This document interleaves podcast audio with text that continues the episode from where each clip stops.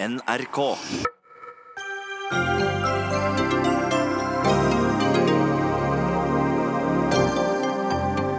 Justisministeren talte om kampen mellom frihet og sosialisme på frigjøringsdagen i går.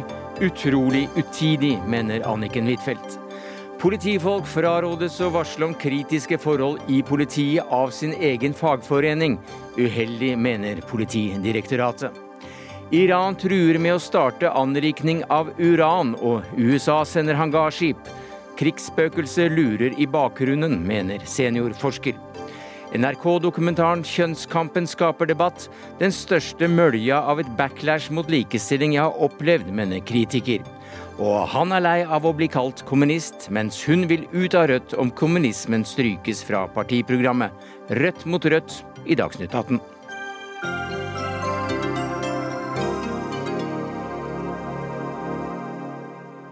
Ja, Det er noen av sakene i Dagsnytt 18 denne torsdagen, der vi også skal høre hvorfor lederen for Norsk Industri vil ha færre hytter her i landet. Men vi begynner med forholdene i norsk politi, for ifølge Politiets Fellesforbund så er det helsefarlig å varsle om kritikkverdige forhold i, etaten. Politiets egen fagforening fraråder altså sine 17 000 medlemmer mot å varsle. Og hvorfor det, Sigve Bolstad, du er leder i forbundet? Det, nei, eh, Vi har dessverre en del erfaring eh, gjennom flere år. Eh, ikke minst gjennom den eh, Monica-saken eh, fra eh, Vest politidistrikt. Der vi ser at noen av varslerne, og også ellers i saker, at det rett og slett har vært helseskadelige. Man har blitt kort- og langtidssykemeldt. Og belastninga har blitt så stor at vi som sagt mener at det er helseskadelig. Ja, Hva slags belastning er det man eh, kan eh, oppleve om man varsler om dårlige forhold i egen etat? Ja, for det første så blir man jo tett på der man jobber. Og I en del tilfeller så varsler man jo på kolleger også. Man kan varsle på ledelse, og man kan varsle på andre. Så det man fort kan oppleve, det er en utfrysning, det er en gjengjeldelse.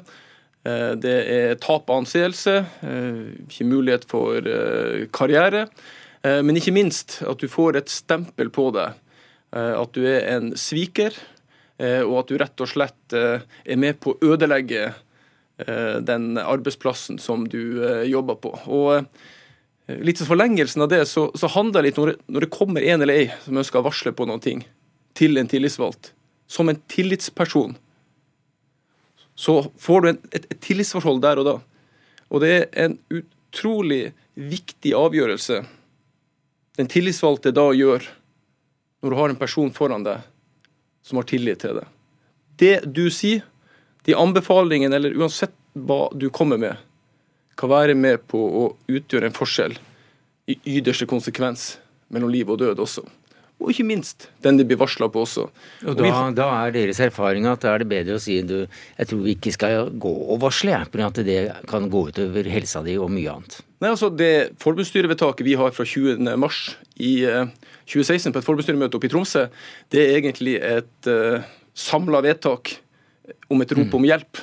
Derfor har vi vært utrolig tydelige på at det er et sterkt behov for å få et varslerombud det beste for den som varsler, eller de som varsler, og de, den det blir varsla på.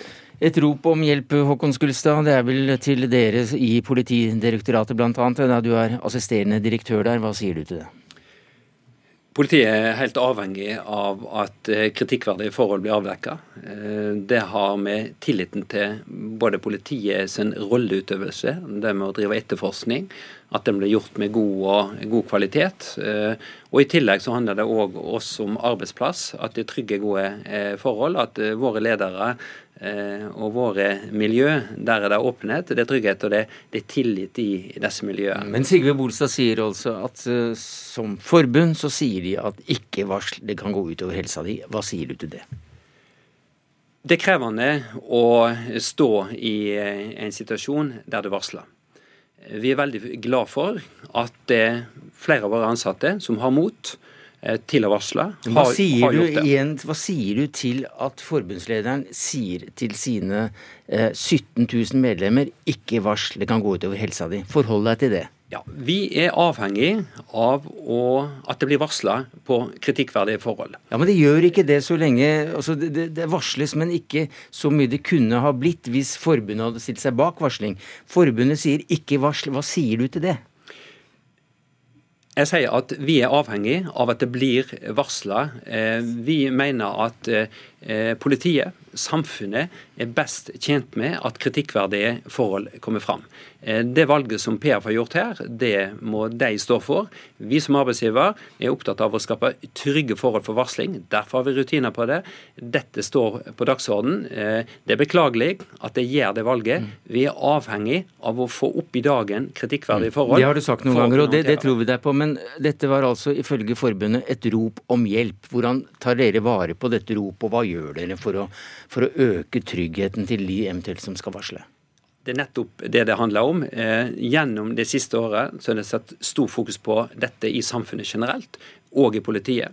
Vi er opptatt av å behandle varslingssakene ordentlig, skape trygghet i varslingssituasjonen gjennom at de som varsler, får støtte, de får oppfølging, de får omsorg i den situasjonen. Og Det som er viktig, er jo at eh, den fakta, det som varselet går ut på, blir kartlagt skikkelig. Men det aller viktigste er jo at varslingsbehovet for å gå til det drastiske skrittet å varsle, at det skal være minst mulig. Det er jo en nød, det er Men det er, det er, en annen debatt. Men hva synes du om dette svaret som forbundsleder? Ja, nei, altså eh, Skulstad og Politidirektoratet og Politiets Fellesforbund altså, vi, vi, er enige om målet. Vi er enige om målet. Eh, men det går litt mer på middelet altså, og, og, virkemidlet. Altså, når vi opplever at vi ikke er der som vi ideelt sett skulle ha vært, og når vi ser den utrolige belastninga det blir både på de som varsler og de de blir varsla på. Og vi sitter med konkrete eksempler på at dette har vært eh, helseskadelig. Eh, og vi har også eksempler på steder der man ikke har den nødvendige kompetansen og den kunnskapen for å behandle varsling. Og Da er jeg veldig tydelig på at det, en del steder så behandles dette veldig bra, bare så det er sagt. Så har vi, men, men, følt, det som vår, vi følt det som vår misjon også å si fra. Og det er det som ligger i det. Og det at, det at jeg sier at dette er et rop om hjelp, sier egentlig alt. Vi har et felles eh, mål, sånn sett. Men det er et rop om hjelp. Men høres du? Høres eh, dette ropet, og gjøres det noe med det? Og hva må gjøres? Ja, vi, altså vi, har en hovedsamslutning, en meget god hovedsamslutning i Unio. Eh, og vi har vært og hadde et stort påtrykk i forhold til å få et ekspertutvalg. Det ekspertutvalget har jobba. Dessverre så har man ikke landa på det som vi mener er det aller viktigste, nemlig behov for et varslerombud. Et sted med kompetanse og kunnskap til beste for varsleren og de det blir varsla på. Et eh, varselombud? Det er viktig, den utredningen som er gjort. Et øyeblikk. Kan ikke du svare på det? Går du inn for et varselombud, ja eller nei? Vi er opptatt av å styrke eh, rolla til varsleren. Dette var egentlig et ja og nei, et, et ja nei eller nei-spørsmål. Og så skal man få et varselombud. Ja Hvorfor ikke det? Eh, det er viktig å styrke rolla til, til, til varsleren. Eh, vi har tro på at det å styrke eksisterende ordninger gjennom Arbeidstilsynet og gjennom den rolla som Sivilombudsmannen har, vil ivareta det som er formålet, det som er hensynet bak instituttet. Vi tror det eh, kan være en god ordning. Men i denne omgang ikke et ja til et varslerombud? Vi har sagt styrke eksisterende ordninger. Det er vår anbefaling. Og det er også ikke innbefattet da et varslingsombud. Takk skal du ha, Håkon Skulstad, assisterende direktør i Politidirektoratet. Sigve Bolstad, leder av Part Politiets Fellesforbund. Dagsnytt 18 alle hverdager kl 18.00 på NRK P2 og NRK2.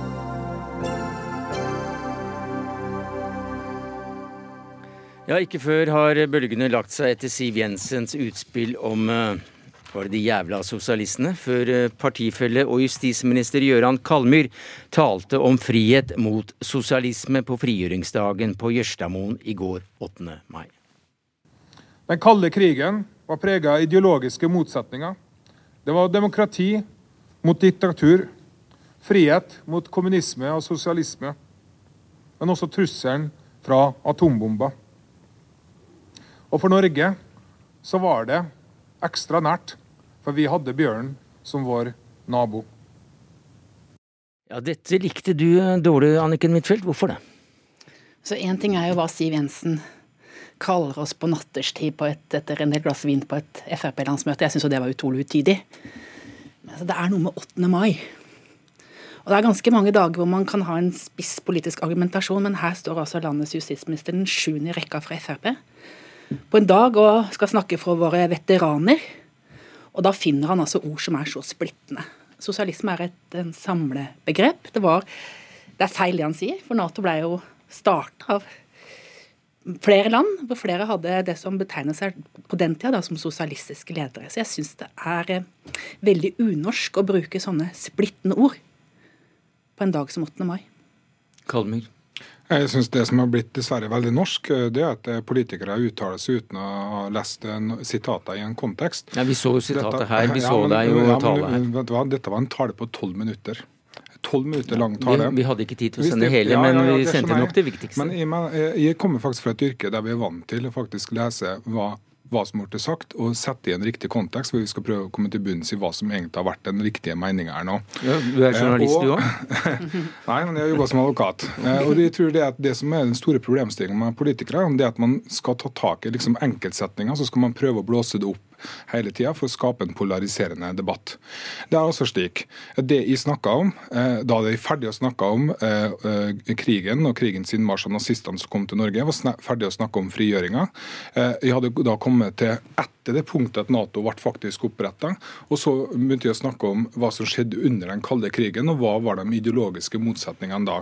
Og det er jo slik, jeg tror det er veldig få som er uenig med meg, at når vi kom til den kalde krigen, så var det en motsetningsforhold mellom de vestlige frie verdiene og det som var de kommunistiske og sosialistiske verdiene som var representert ved Sovjetunionen. Eh, så forstår jeg slik at det er en uenighet om hva som er egentlig definisjonen sosialisme. Eh, men da er det jo litt interessant at Arbeiderpartiet de definerer seg ikke som sosialister. SV har også en egen definisjon av sosialisme som skiller seg klart ifra det som var vanlig å ha i Sovjet. Og så må jeg bare understreke mm. det, at det er en ting jeg er veldig lei meg for. Og det er at veteranene som vi egentlig skulle hedre den dagen, de har eh, fullstendig blitt glemt oppi det hele. Og Det mm. syns de er veldig trist, og det er jeg veldig lei meg for. Du er ikke dum, Göran Kalvemyr.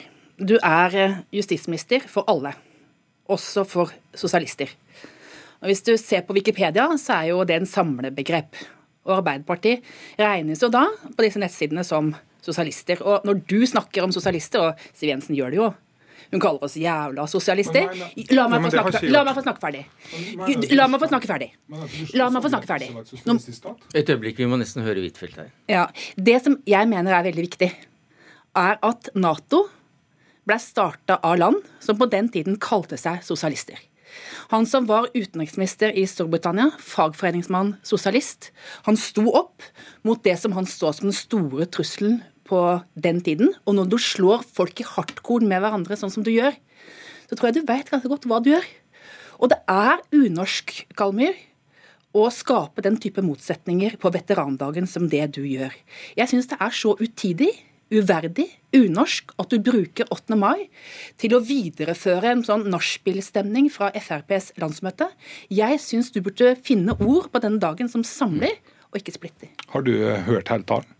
Nei, men jeg kjenner folk som har vært der og har reagert ja. veldig veldig sterkt. Og det var jo Arbeiderpartiets ordfører som reagerte veldig sterkt på de ordene du framførte på den talen. Problemet her nok en gang det er at man prøver å trekke ut enkeltsetninger. Eh, det vi om, det jeg snakka om på det tidspunktet i talen, det var rett og slett om hva var det som skjedde under den kalde krigen. Hva var de ideologiske motsetningene mellom Vesten og Østen. Så kanskje kan, skulle jeg ha brukt den sosialismen som Sovjetunionen representerte. Det kunne jeg kanskje ha gjort med fordelene når jeg ser reaksjonene. for det var over overhodet ikke min intensjon at noen skulle føle seg såra av dette her nå. Og jeg syns det er veldig leit at det som egentlig var hovedsaken den dagen, nemlig at veteranene skulle hylles, at det har blitt glemt. Jeg vil også understreke det. Vi må reaksjon på det. Det er veteranen som skal hylles. Det er veteranen som skal hylles, Kalmyr. Det er derfor du må finne ord som er samlende. Du er jo justisminister for alle i Norge, til og med kommunister er jo du justisminister for. Og denne dagen så må du være mer samlende enn det du har vært her. Altså en person som ikke hørte hele talen. Men folk som var der, mener det samme Hvis du hadde hørt hele talen, så hadde du også fått med det at de hyller alle eh, som var veteraner. og Jeg nevnte til og med også eh, dette med krigsseilerne, og jeg hyller også Jon Michelet sine bøker om dem, at det har blitt et viktig monument som kanskje har blitt altfor glemt. Jeg hyller også dem som eh, bl.a. østeuropeiske fanger eh, som mista livet på eh, eh, militærleiren oppe på Jørstadmoen. Eh, så det var mange ting jeg var innom der nå. og La det være helt klart, jeg er like stolt og takknemlig for veteranene, enten de er sosialist, kommunist, Frp-er, Arbeiderpartiet eller Senterpartiet. Vi har like stor takknemlighetsgjeld til dem. Det er jo samlende, i hvert fall. Ja, det er samlende, men det var jo ikke det du sa.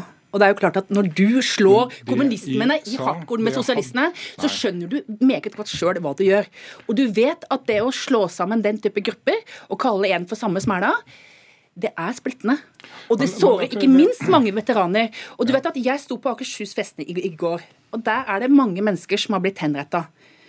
Kommunister også, fordi de kjempa for frihet. Og denne dagen så skal du og jeg vi skal unngå ord som er splittende. Vi kan krangle, sette ting på spissen ganske mange dager i året, men 17. mai og 8. mai så må du også ta ansvar som landets justisminister, også for sosialister, for å være mer samlende, for å bruke mer samlende. Og det er ikke bare jeg som reagerer.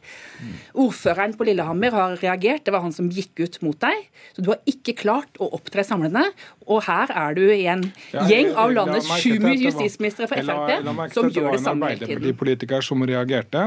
Eh, Det er altså slik at Jeg tror det at eh, man skal ikke drive med altfor mye omskriving av historie heller. Det var altså slik at Norge og Vesten under eh, den kalde krigen vi sto jo mellom et motsetningsforhold mellom det som var sosialismen fra Sovjet, og kaller det for sovjetsosialismen da, for å være helt presis her nå. Det er kanskje et uttrykk jeg burde ha brukt for at det skal være litt klarere. At det er ikke slik at de mener at sosialister i Norge eh, ikke skal takkes for den innsatsen de har gjort. Og, dessuten så handler ikke det eh, poenget mitt i talen om akkurat veteraninnsatsen. Det handler om en historiefortelling om hva som skjedde i Norge under den tida. Eh, og det er leit at det har blitt misforstått slik av folk som ikke har hørt talen, til at dette her nå handler om en eh, oss og dem-greier i forhold til de, dem som er norske sosialister, for det var overhodet ikke intensjonen. Jeg tror du veit ganske godt hva du gjør. Natt til søndag så er jeg jævla sosialist, og på 8. mai så slår du liksom kommunister og sosialismer er én greie. Så jeg syns du skal tenke litt mer over den, disse reaksjonene som nå kommer. Jeg syns du skal tenke over det ordføreren sier. For på 8. mai så skal du og jeg holde oss langt Mm. unna partipolitikken. Og sosialisme er en samlebegrep. Og de som starta Nato, de bekjente seg til sosialismen. Som, eh, hvis du leser på Wikipedia, så står også Arbeiderpartiet nevnt som et eh, sosialistisk parti. Og du snakker jo om oss som sosialister. Men, men. Huitfeldt, du burde ikke ha lest hele talen da, før du uttaler deg? Jo, men jeg har snakka med Arbeiderpartiets ordfører der oppe. Men, hvordan, Ja, hvor, hvor, men, men et annet spørsmål. Hvordan, hvordan mener du at dette da er bevisst? Fordi at det er jo ikke tilfeldig at natt til søndag så står Siv Jensen overfor en eh, feststemt forsamling i Frp og sier at nå skal vi knuse sosialistene. Og så kommer ordet sosialisme inn også på 8. mai, på frigjøringsdagen. Og det er mange av de veteranene som står der, som er rundt omkring i hele Norge, som regner seg som sosialister. Og du bør unngå å bruke den type splittende ord en sånn dag. 8. mai og 17. mai, da bør vi holde oss for gode for det. Men at. Frp er skeptisk til sosialismen, er ikke ukjent. Ja, men det nettopp si at det er en sammenheng mellom sosialisme og det vi så under Stalin det, Han vet jo hva han gjør når han kommer med den type hentydninger. Når han putter alle inn i samme kurven, så vet du jo veldig godt hva du gjør. Du er ikke dum. Jeg tror alle som har en viss innsikt i historie, eh, vet at når jeg snakker om sosialisme i den konteksten der, da snakker jeg altså om Sovjetunionen. Eh, Jeg snakker ikke om SV, jeg snakker ikke om noen parti i Norge. Eh, Jeg tror alle som har lyst til å forstå, og det er kanskje der det er litt av problemet, man har lyst til å misforstå. Fordi at politikken i Norge handler ofte om det, at man har lyst til å ta et lite bruddstykke fra motstanderen, for da kan man gjøre dette til en stor sak, og man kan polarisere. Eh, og, det er litt som blitt litt en del av politikken nå. Og det syns jeg er en sånn trist samfunnsutvikling. Takk skal du ha, Gøran Kalmyr, justis- og innvandringsminister Anniken Huitfeldt, leder av utenriks- og forsvarskomiteen for Arbeiderpartiet.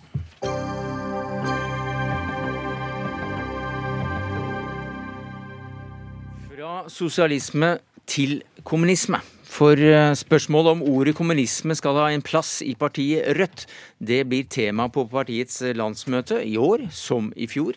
Rødts mål er et klasseløst samfunn. Det er eh, dette Karl Marx kalte kommunisme, står det i gjeldende prinsipprogram.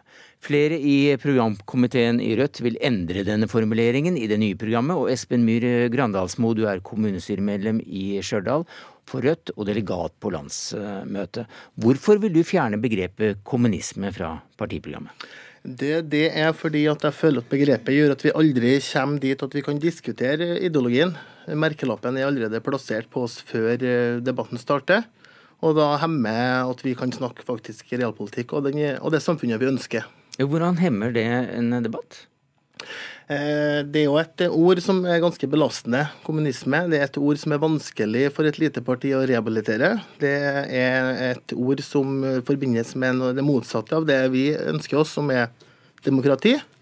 Og jeg føler at det, at det, hører mer sammen med diktatur, da. Og det er det folk eh, Den merkelappen vi får på oss. Janne Lisedatter Håkonsen, du er tillitsvalgt i Norsk eh, Lokomotiv Mannsforbund, og du er medlem eh, i Rødt. Hvorfor bør Rødt fortsatt uh, kalle seg kommunistisk? Så lenge det er sånn at Rødt bygger analysen sin på marxismen, er et revolusjonært parti som har det klasseløse samfunn, kommunismen som mål der langt fremme, så mener jeg at, eh, at vi må kunne, kunne, kalle en spade for en spade. Eh, så er jeg jo helt enig med Espen i, i forhold til at det er, det er veldig lite moro å få slengt etter seg alt det gamle ugget som, som begrepet kommunisme da har ved seg. Samtidig så mener jeg det at et parti som er i eh, opposisjon, som er et utfordrerparti, som har en kapitalismekritikk, som mener at vi skal ta fra de som har mest, og gi til alle, og at vi ønsker felles eie av produksjonsmidlene. Som, mm. altså, dette er en reell kritikk av samfunnssystemet vi har i dag. Å kalle en altså, spade vil... for en spade, det er altså da å ta kommunisme inn i partiprogrammet? Ja, nei, altså programmet er jo klokkeklart fordi man tar ut ett ord. Eh, vi skiller oss markant fra både Arbeiderpartiet og SV med systemkritikken mot kapitalismen. Eh, men Rødt det er et eh, arbeiderparti i større og større grad, der flere og flere får øynene opp for oss. Jeg er elektriker sjøl og treffer mye bra arbeidsfolk som begynner å få øynene opp for Rødt. Og da er jo Prinsipprogrammet skal jo være et verktøy for å overbevise folk om at eh, vi er rette parti for dem. Og da, da, skremmer du, da, skremmer du, folk litt unna ja, med ordet kommunisme? Ja, at folk blir litt skremt, og på en måte rullegardina har gått ned før debatten starter. Og da, da skal vi overbevise dem at vi er for demokrati, så bør det ikke stå kommunisme. da, Vi blir ikke SV fordi vi tar ut ett ord. Nei, For ordet kommunisme har vel fått litt uh, dårlig rykte etter hvert. Stalin, Mao, Pol Pot. Det viser seg i ettertid at de har gjort uh, noen feil. Ja, det har det jo. Vi anser jo ikke de for å være for å sette kommunismen ut i, i livet. Det er jo ikke det vi står for, det de sto for. Men jeg mener at man må heller forklare hva som ligger i ideologien, enn å bare ikke bruke begrepet. For det er nettopp det som er poenget fra det forrige som jeg ikke fikk sluttført, er jo at et parti som Rødt, som utfordrer på så mange områder, om vi fjerner begrepet kommunisme, hva er det neste begrepet vi skal fjerne da? Fordi at vi vil mm. alltid ha motstandere imot oss som ønsker å sverte hele kritikken vår. Så, så, ved å fjerne ordet kommunisme, så kan man være, eller lettere skli på det ideologiske grunnlaget? Ja, jeg mener jo det. Altså Hvis vi skal vaske og vaske og vaske til vi blir stuereine, til vi ikke får noe motstand mot det som står i partiet altså Folk vil finne ting i prinsipprogrammet vårt å henge oss for hele tiden. Og det går på mm. systemkritikken vi har. Ja, jeg er enig, jeg forstår, forstår eh, synspunktene. Men jeg tenker det haster med en systemendring. Arbeidslivet under konstant press, miljøet under press om vi skal bruke de neste årene på å renvaske et uh, ganske ja, tabu, for å kalle det. Et, men, men, er ikke Rødt et ektefødt uh, barn av AKP Emil, da? Ja, det er jo ektefødt. Det er jo et parti som ble starta i 2007, etter, og da har AKP valgt å gå inn i det partiet. Det stemmer jo. jo I hvert fall så er farskapet ganske klart. Ja, det er sant, det. Bastard, vil jeg kalle det heller. Ja. Men... Poenget er at vi kan ikke bruke de neste årene på å ta definisjonsmakta over et uttrykk som de har prøvd på i 50 år.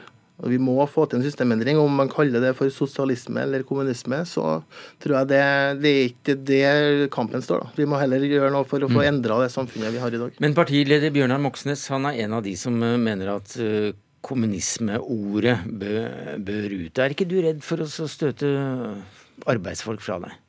Nei, jeg er jo ikke det. Altså, Se på den veksten som Rødt har hatt da, i de siste åra nå. Vi har bikka 8000 medlemmer, snakka vi om her i stad. Og det er på det gamle prinsipprogrammet. Så hvor nitidig folk leser et prinsipprogram, det er når jeg er litt sånn usikker på om det er det vi rekrutterer på, eller om vi rekrutterer på det faktiske vi driver på med. Hva skjer med, med ditt forhold til, til partiet hvis man faktisk stryker ordet kommunisme? Det vil nok ikke skje noe med mitt forhold til partiet på, på, det ene grunnlaget der. Der er det jo som Espen sier. Men det er klart at hvis det er mange ting som strykes som at det er marxistisk, revolusjonært, kommunisme Hvis mange ting ryker, og partiet beveger seg lenger mot sentrum, da er det jo ikke noe tvil. Men dit vil vi ikke. Væpna revolusjon? Ja, det står det jo ikke. Nei, Så det er allerede strøket? Det, det er lenge siden. Ja. Eh, det var det vi rakk i denne omgang om eh, Rødts valg av eh, begreper. Janne, Lise, Janne Lisedatter Håkonsen, tillitsvalgt i Norsk lokal mot, eh, Lokomotivmannsforbund. Vi får ta en egen debatt på akkurat om det skal hete Lokomotivmannsforbund eller ikke. Du er også medlem av Rødt. Takk til deg, Espen Myhre Grandalsmo, kommunestyremedlem i Stjørdal og medlem av Rødt.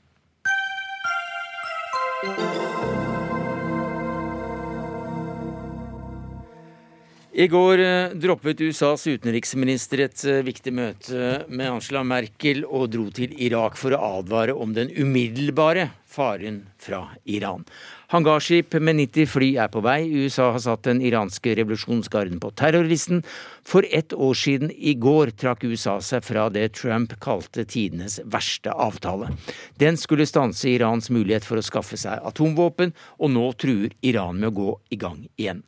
Krigsspøkelset lurer i bakgrunnen, det sa du til Aftenposten i går. Hvordan vurderer du dagens situasjon, seniorforsker ved NUPI, Sverre Lodgaard? I siste instans så tror jeg vel at uh, dette er en kamp om Trumps uh, sjel. Mm. Uh, det er jo, jo regimeendringsfolkene som styrer i, i, Washington nå. Og de prøver å få det i stand ved stadig strengere sanksjoner.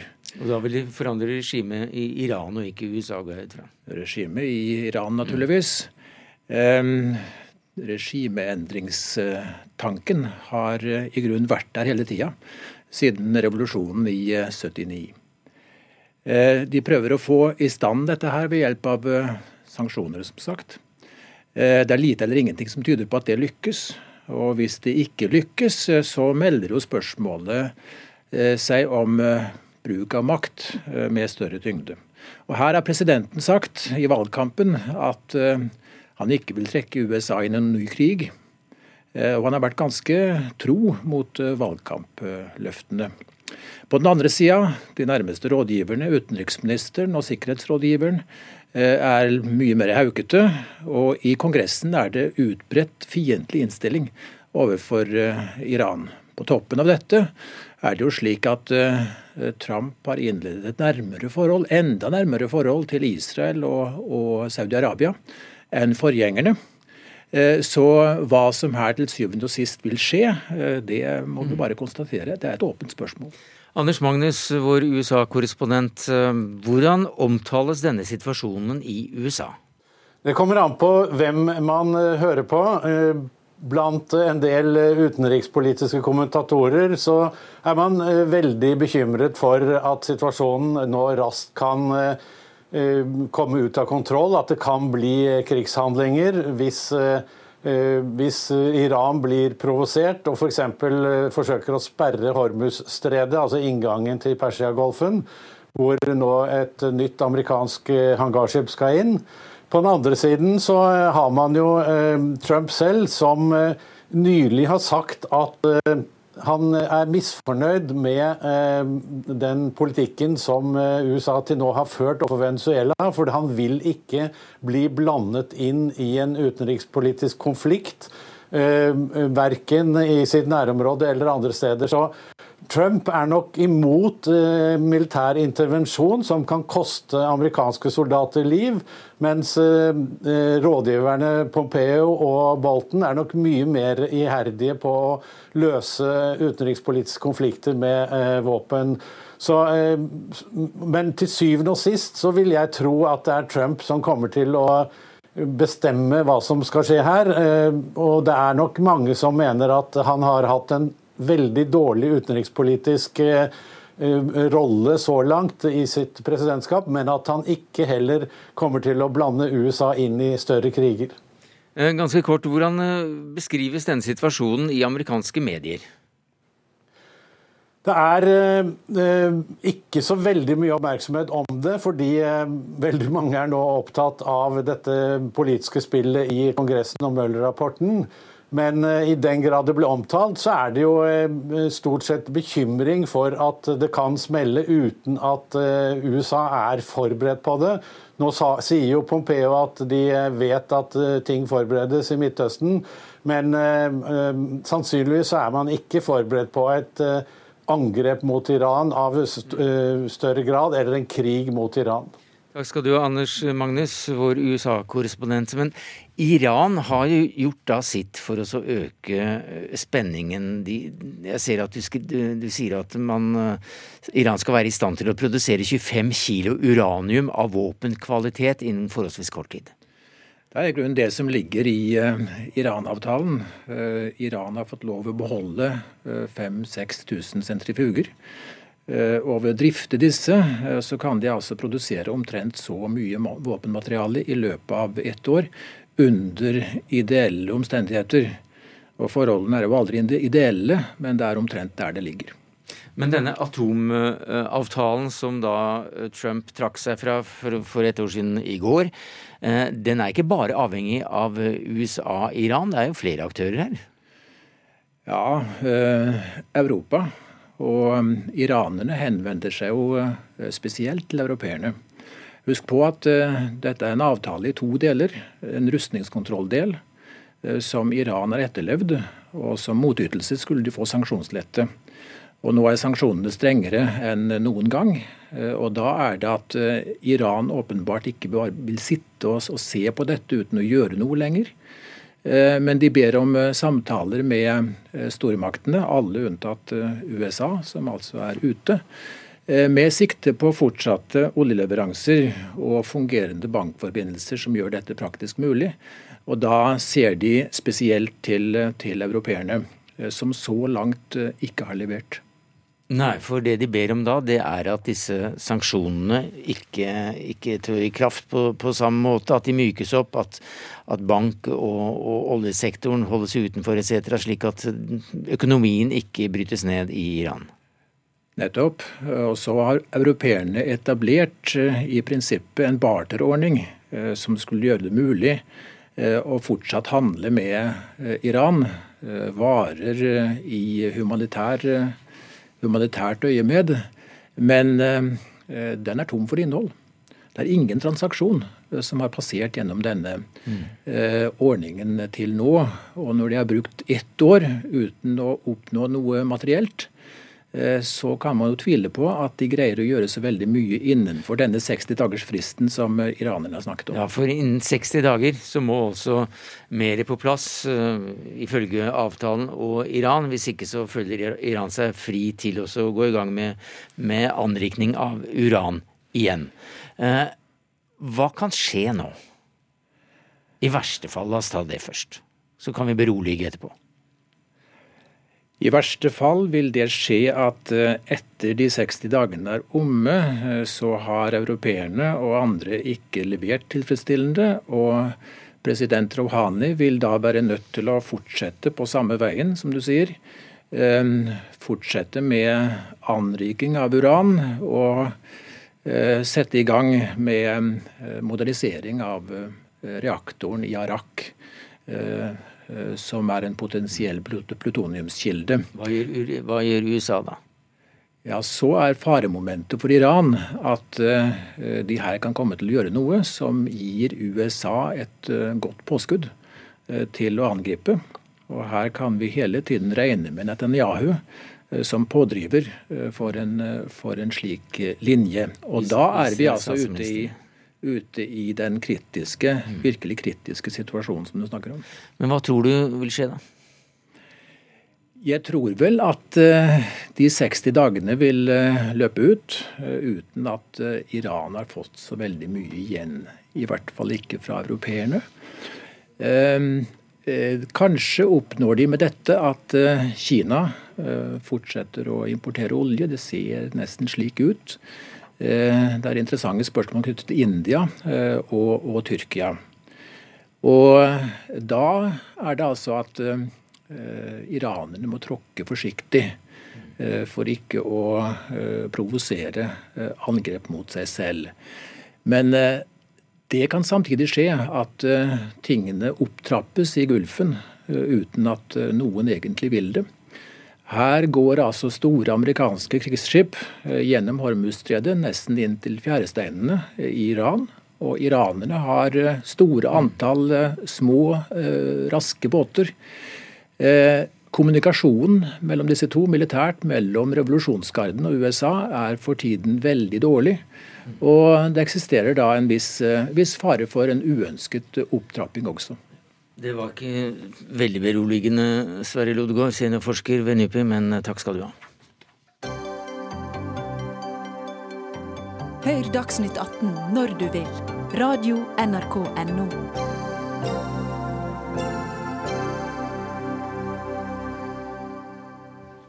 Ja, I går sendte NRK Brennpunkt dokumentaren 'Kjønnskampen'. Der fikk vi brynt oss på en del eh, kjente myter, som at alle jenter er flinkere enn gutter på skolen, og at det bare er dem som opplever diskriminering, sexpress og trakassering.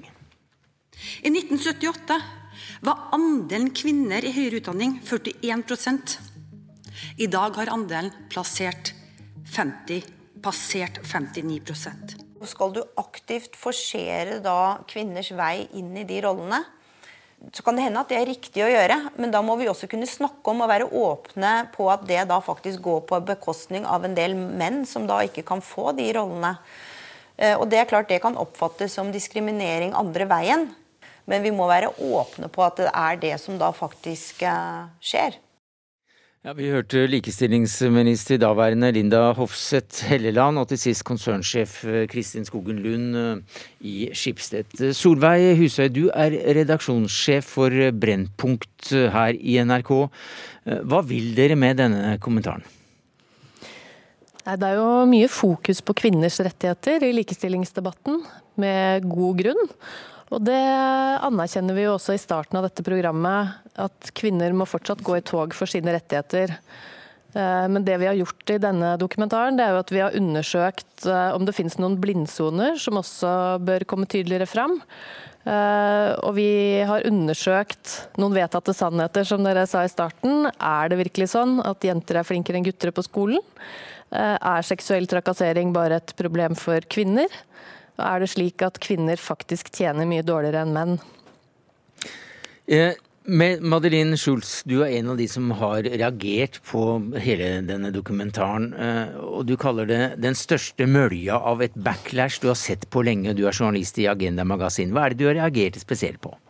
Nei, altså Først så vil jeg understreke, og det skriver jeg også i kommentaren, og tok til det aller første innledningsvis, men eh, at feminismen også har vært en likestillingskamp som har inkludert menn. Vi har bl.a. jobbet mot foreldrepermisjon eh, delt med mm. menn. sånn at det har vært, det er viktig for meg å understreke at jeg også syns det er viktig å snakke om mannsrollen i forhold til likestilling. Når det er sagt, så eh, var mitt poeng med den kommentaren at jeg syns at den dokumentaren som den er laget, fremstår som ganske tendensiøs.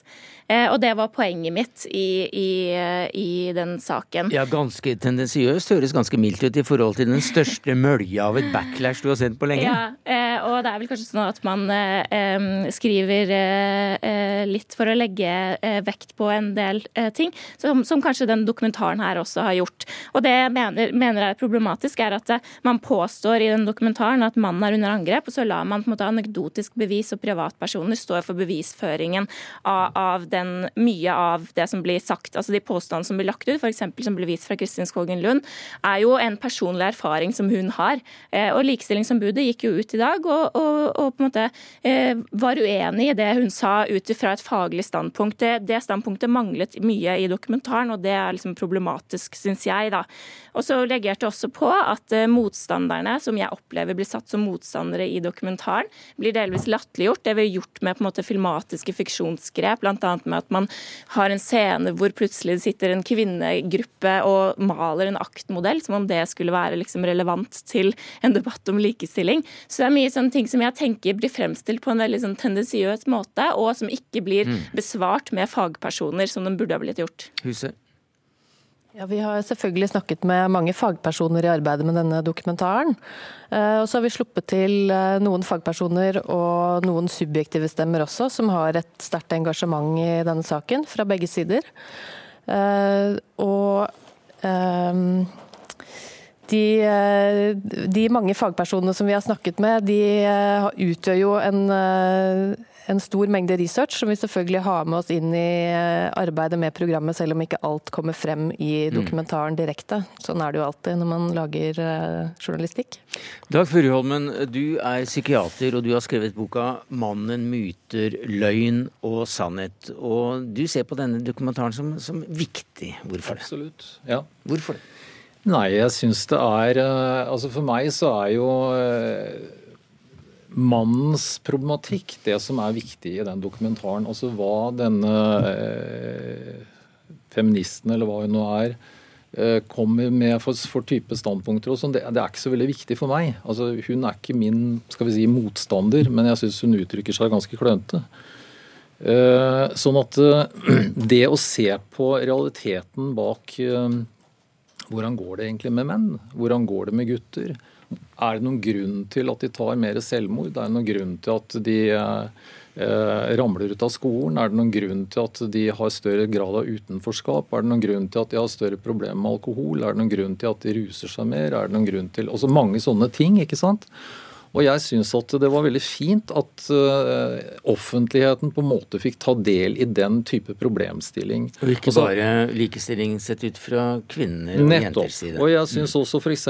dette Jeg reagerte jo veldig på det Madeleine Schultz skrev. Altså dette med, med at uh, Jeg husker ikke hvordan du uttrykte det, men det var et eller annet med at uh, en eller annen klagesang om, om, om at eh, menn ikke fikk se ungene sine. At de liksom eh, Barnefordeling, det var liksom bare en slags myte.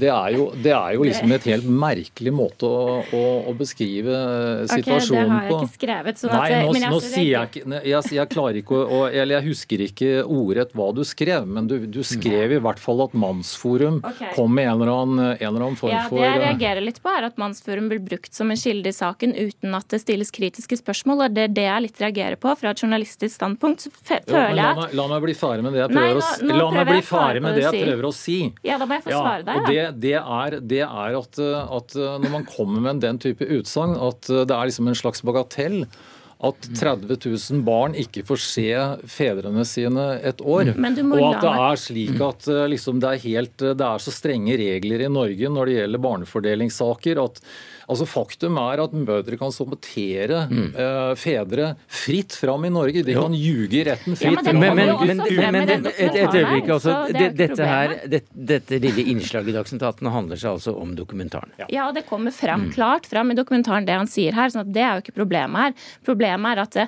den, når man har en en dokumentar hvor man prøver å fremstille kjønnskamp altså Overskriften er 'Kjønnskampen'. Og jeg får litt følelsen av at eh, Brennpunkt skaper selv den konflikten som de mener er en tendens i samfunnet. Altså, hvem er det som altså, hvem er det som går til angrep på mannen? Jeg lurer på hvem er det? Og når motstanderne i den dokumentaren blir på en måte fremstilt som de blir gjort, da, så virker det temmelig tendensiøst, syns jeg. Harriet Bjerrum Nilsen, du er professor eh, emerita i kjønnsforskning og pedagogikk ved Senter for tverrfaglig kjønnsforskning ved Universitetet i Oslo. Og du har også reagert på denne dokumentaren. Hva er det du synes? Nei, altså det er flere ting. Dels så, så syns jeg det var veldig merkfundig at Brennpunkt, som vel skal være NRKs liksom sånn afsløringsprogram, og dem der setter nye agendaer, ting på agendaen, at de altså påstår at vi ikke har snakket om mænd og gutters problemer i det hele taget. Det er nærmest dem, der har oppfunnet det. Altså, medierne har været fulde opp og ned og spalter og i mente av diskussioner om gutters problemer i skolen, mænd, der ikke får stiftet familie, mænds helse, mænds selvmord. Øh, jeg vet ikke hvilken planet Brennpunkts journalister lever på hvis de ikke har fått det med seg. Og så å komme og presentere det som en fullstendig ny og nesten litt farlig diskusjon. Hvilken planet er det du har eh, levd på, Husøy? Vi mener jo at vi bringer noen nyanser inn i denne debatten, eh, og mener at det er vesentlig at gutter og jenter faktisk gjør det omtrent like bra på nasjonale prøver, når de kun blir vurdert for fagprestasjonene sine mener at det er veldig vesentlig at eh, det oppleves som et eh, tilnærmet like stort problem med verbal seksuell trakassering i skolegården for gutter som for jenter. Eh, og vi mener at vi har brakt noen nyanser inn i likelønnsdebatten. Men det er klart at det er mye man kan gjøre journalistikk på rundt likestilling og kjønn og kjønnsroller og identitet. Og NRK som mediehus gjør jo også mm. veldig mye på det i mange flater. I akkurat dette programmet så er det en del av det vi tar opp som eh, vi da mener at eh, kan bidra til å, mm. til å nyansere noe i samfunnsdebatten. Ja, og der, der, kommer jeg inn til mitt annet punkt som jeg har imot den utsendelse. Og det er at uh, hele det faktabildet der fremstilles, er det som vi i forskningen kaller cherrypicking altså, eller kirsebærplukking. Man plukker noen resultater, man kanskje manipulerer litt med noen tall som gjør at den hypotese man gerne vil fremme, at den ser ut som den stemmer. Og de tall som ikke liksom passer og bekrefter ens hypotese, dem ser man bort fra. Og det syns jeg faktisk er lige så kritikkverdig som journalistisk håndverk som når mm. forskere gjør det. Og for å ta det der som... Huset må nesten få svare på det. Ja, Dette blir jo veldig generelt. Eh, jeg vet ikke helt hva det er du sikter til. Derfor vil jeg gjerne gi noen eksempler. Ja. ja. Så altså, vi, Hvis vi tar den der med likelønn, så har vi visst i 20 år at hvis kvinner og menn har samme utdannelse, jobber samme sted i samme funksjon, så får de stort sett den samme lønn. Det er overhodet ikke nytt. Vi vet også at altså, omfanget av likelønn handler i høy grad om deltidsproblematikk. Det vet vi også. Det vi ved i dag er hovedet, altså den diskrimineringsmæssige grunn til at kvinner tjener mindre end menn, det er at de placerer seg i forskellige yrkesfag, altså yrkesgrupper. Det blir der overhovedet ikke tænkt på i denne udsendelse, som at det er der diskrimineringen ligger. I udsendelsen så sier man nå ja, men det er jo klart, fordi altså, kvinner de blir lærere og sykepleiere, og derfor tjener de selvfølgelig mindre end menn der blir ingeniører. Ja, var det ikke noe av det man skulle ha stillet et kritisk spørsmål til? Mm. Hvorfor er det sånn at der hvor kvinder dominerer, der er lønnen lav? Huset. Ja, Dette kommer jo ganske klart fram i dokumentaren også, at det er et lønnsgap mellom menn og kvinner, og det som blir pekt på som hovedårsaker for det. Og så er det selvfølgelig mye interessant man kan gjøre rundt bakenforliggende årsaker for at menn og kvinner velger forskjellig, og også selvfølgelig vært en samfunnsdebatt uh, hvorfor lønnsforskjellene er som de er i ulike sektorer og ulike yrker. Jeg syns det er interessant mm. at hun nevner de her bakenforliggende årsaker, for det er jo også et punkt i Vær varsom-plakaten at man nettopp skal være åpen om bakenforliggende forhold som kan være relevant i den sammenhengen. Og her tenker jeg absolutt at det er en del bakenforliggende forhold som også skulle vært inkludert, som Harriet også var inne på. Altså, nå er det jo sånn at uh, Kvinner velger i mye større grad deltid enn det menn gjør. og De, de jobber i snitt én dag mindre i uka vanligvis. Uh, og Det er klart at det medfører jo at, at uh, alt som handler om oppadstigende bevegelse i næringsliv og i, i, i også offentlig sektor, den, den blir hemmet av, av, den type valg. Og utdanningene de tar, er, er også i retning av mer trygge yrker. Eh, når det gjelder, eh, når det gjelder uh, utrygge yrker som menn ofte velger, er mye mye mer dødsfall. I statene er det f.eks. 98% av alle yrkesrelaterte dødsfall hender med menn. ikke sant? Så, og Det er klart at det, det, er, det er sånne typer risikoer folk får betaling for. Det er drittyrker, det er slitsomme yrker. Okay, hvis vi skal snakke om arbeidslivet, så er det kanskje også et poeng Nei. Jo, jo, men, og jeg, jeg, er OSI, jeg får penger for å, å, å styre dette her av en eller annen grunn. Også når vi snakker om arbeidslivet, og kanskje få fram det også at lavtlønnsyrker i Norge er stort sett preget av veldig mange kvinner. sånn at det, det, er en del ting her man ikke går inn i, også hvorvidt på en måte eh, det er snakk om at kvinner velger seg inn i lavt lønn, eller om det er sånn at disse yrkene blir justert etter at det er mange kvinner i altså Det er ikke noe svar på det heller, den dokumentaren her. Det går jo ikke engang inn på det. sånn at det, det er ganske mange eh, forskjellige liksom, ting som man kunne kanskje gått litt grundigere inn i. da. Skal jeg var litt stygg, så er det jo sånn da at, eh, at eh, kvinner velger jo menn ut fra eh, hvilken posisjon de har i samfunnet. Men hvor og har du det fra? Og det er det forsket på over hele verden. Men, men, okay. det, men, dette her var vel ikke en del av dokumentaren, og la oss holde oss til dokumentaren. Ja, jeg har lyst til å komme med et annet eksempel, og det er det at for, altså, den her udsendelse mener at de nå har vist at gutter egentlig er like så dyktige som, som jenter, fordi at de klarer seg like så godt eller bedre enn det er på nasjonale prøver. Det er også en skal vi si, massering av tallene.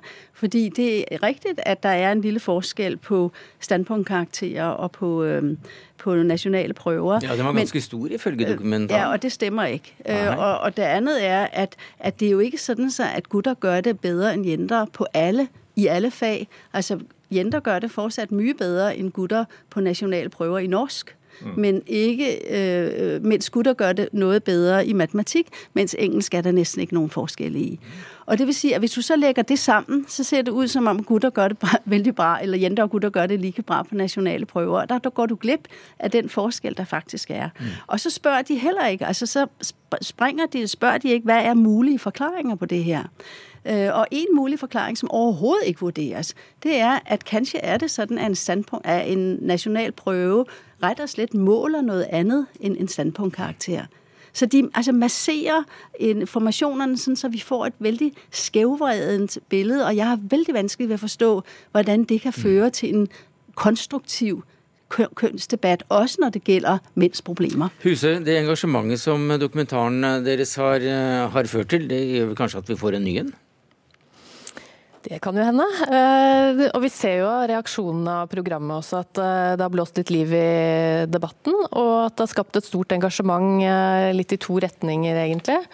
En del som mener at vi har gått åpent inn og er med på å bidra til nyanser. Og også en del som mener at vi har gjort kvinnekampen en bjørnetjeneste.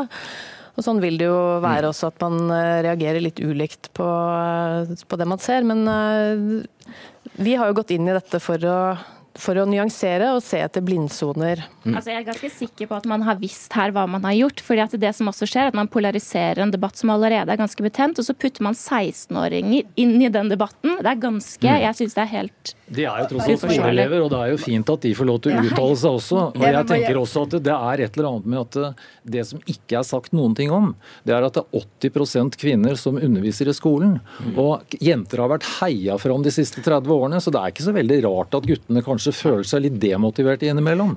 Nå vil alle snakke her, men jeg må dessverre sette strek. Takk til deg i Bergen, Solveig Hyse, redaksjonssjef i NRK Brennpunkt, Dag Furuholmen, psykiater, Madeleine Schultz, journalist og i Agenda Magasin, og Harriet Bjerrum Nilsen, professor emerit av Universitetet i Oslo.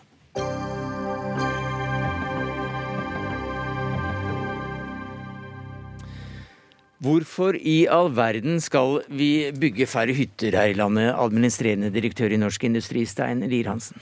Jeg har ikke uttalt så mye om hytter, men om fritidshus. Jo, jo. Og den, eh, den, debatten kom opp i en kommentar til en veldig alvorlig FN-rapport som ble lagt fram for noen dager siden, som viser at vi aldri har hatt så mye tap av naturmangfold som vi har nå. Og en av de store truslene det er at vi forvalter eh, naturmangfoldet for dårlig, og at vi driver en ukritisk nedbygging av natur.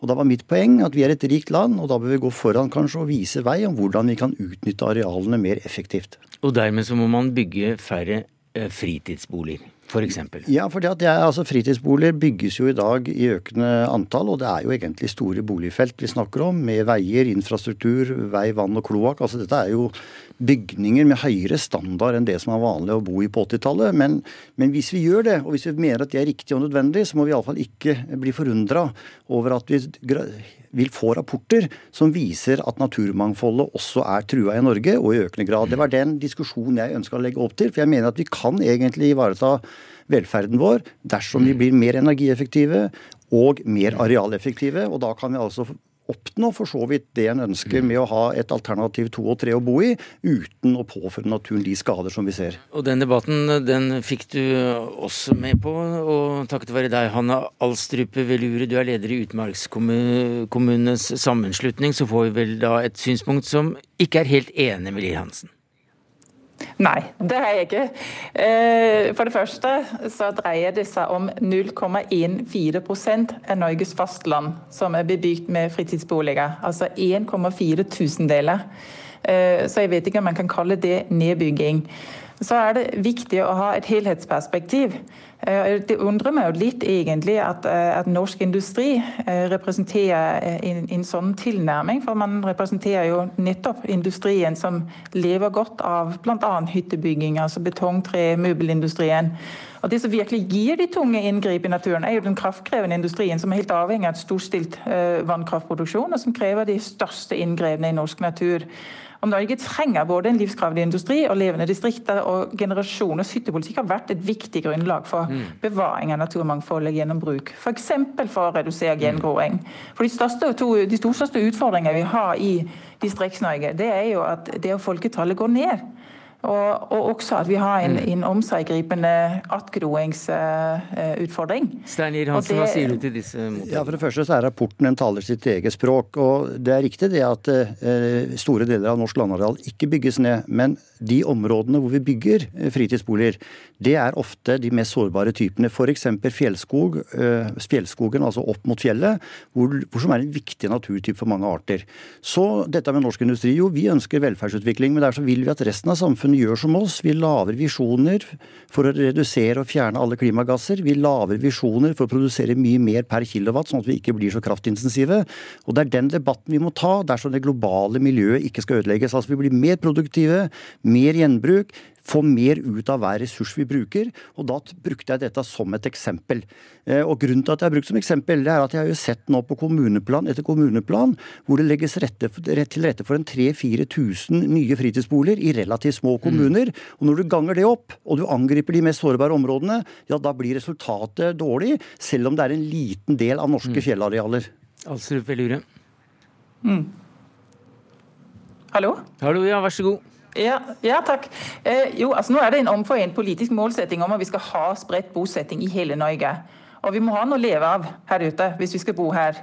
Og Jeg har tidligere skrevet en artikkel blant annet i Dagbladet som heter 'Hyttefolk av vitaminer for distriktene'. Altså Det gir sysselsetting, verdiskaping, stedfaste lokale arbeidsplasser innen landbruk, og matforedling, bygg og anlegg, handel og sjøvis. ikke sant? Eh, man har dette her med at det motvirker fremmedgjøring mellom bygd og by. Det vet vi alle sammen er en økende utfordring.